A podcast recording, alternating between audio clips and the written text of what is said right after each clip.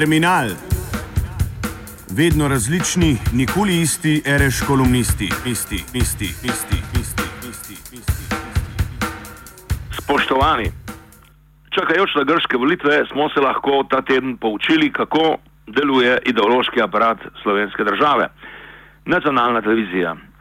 Kajti dominantne komercialne pop televizije so pač le aparati BTC potrošniške civilne družbe in lokalnega kapitala. Prvo demonstracijo, pogovor s premijejem, je vodila navadna novinarka, ne pa kot ukazuje protokol, vsaj urednica informativnega programa, če ne kar glavni urednik oziroma urednica. No, to slednje bi bilo pač preveč očitno, kajti nova šefica je na svojem tretjem programu, kot vemo, zelo rada kramljala z gospodom Janšo. Kakorkoli, takole disanje Cerarja je bil še en dokaz, da se državna televizija že pripravlja na plan J. Vendar vprašanja zato niso bila nič bolj pogumna, nasprotno. Potem, ko mu je pustila na dolgo razpredati o izletu v Pariz, o varnosti Slovenije in tako dalje, ga je vprašala o peticiji proti razprodaji državnega premoženja. Na kar je premijer prostodušno celo pritrdil dr. Mencingerju, da za to razprodajo ni ekonomskih razlogov, ampak da gre za verodostojnost države. Hudiča, kaj pa je to, ena huda žival? Vendar ga novinarka ni podrobneje vprašala, kaj to pravzaprav zanj pomeni in za Slovenijo, kaj je zanj verodostojnost, ampak kot da je to samoumevno, mu je dovolila ven in ven ponavljati verodostojnost, verodostojnost, verodostojnost. Zato se mi borimo. No, je pa potem to magično besedo še en profesor na oblasti, predsednik državnega zbora, le prevedel v, torej v evropski jezik, se pravi v tujko. Kredibilnost. No, in tako je vse jasno. Direktno je potrdil, da tudi za novo oblast verodostojnost pomeni verodostojnost, ubogljivost do tujine, do Berlina, Bruslja in Frankfurta, do centrov neoliberalne ideologije v Evropi in do finan in finančnega kapitala. Ne pa recimo zaupanje lastnih državljanov in dobro varovanje državnih interesov. No, uboga državna uslužbenka TV Cerarja ni vprašala niti tega, ali je moralno in etično, ne, da bodo sedaj, kot kaže, za to verodostojnost in sicer glede iz Bruslja ukazanega pač 3-procentnega proračunskega primankljaja, gor plačale tako imenovane ranljive skupine, šolari, bolniki, upokojenci. Skratka, spoštovani, če sedaj ne vemo, pri čem smo z novo vlado, ne bomo nikoli. In seveda, če se tej neverodostojni oblasti ne bomo odločno uprli, bomo kmalo ne le podlaga tujčevi peti, niti hlapci ne kot v ranki Avstriji, ampak hlapci hlapcev, če nismo že. No, to je torej zunanja premjerova fronta boja za verodostojnost.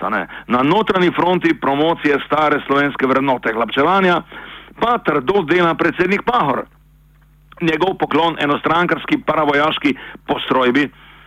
Pred kratkim je bil opažen in tudi dokaj komentiran, ampak praktično brez komentarja, celo v naši ljubi mladini, pa je bila njegova udeležba in podpora festivalu domoljubne, pardon, domoljubne pesmi. Gospod Pahor je osebno podprl festival in trajnostno ploskal njegovemu pol drugo urnemu programu v katerem ni bilo niti ene same pesmi boja proti okupatorju, pa tudi delovne pesmi ne. Torej se predsednik države strinja s poročilom. Ne partizani in ne delavci niso bili in niso domoljubi. Ja, toga, da, kma, da ga kmalo zatem udeleženci proslave v Dražgošah niso ozmerjali ali vsaj okepali, pa je že dokaz, da mu projekt sprave z narodno izdajo že uspeva kar se seveda čisto lepo ujema s Cerarjevim vazalstvom do Nemčije. Še bolj zgovorna demonstracija nacionalne televizije kot aparata vladajočega razreda pa je bil v torek tako, tako imenovan pogovor z opozicijo, ne ravnoteženje, najprej premier, pol pa opozicija. Vodila ga je novinarka, ki velja za levo, bolj ali manj zato, ker je poročena z levo liberalnim lobistom.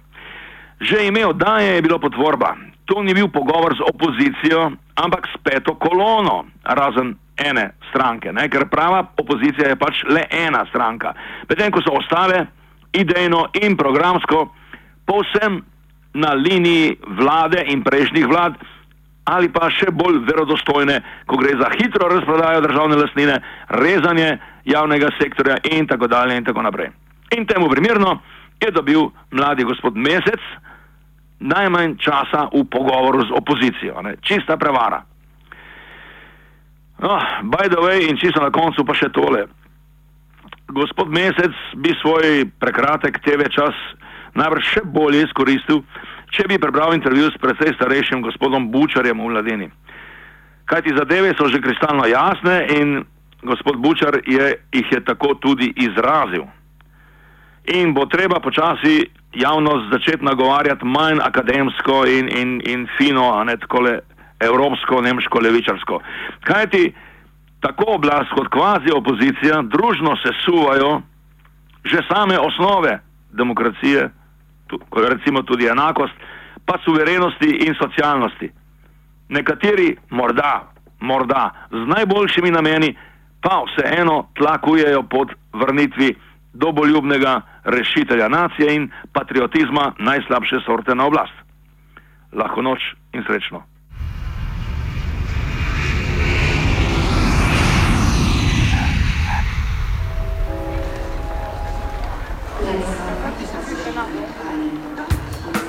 Terminal.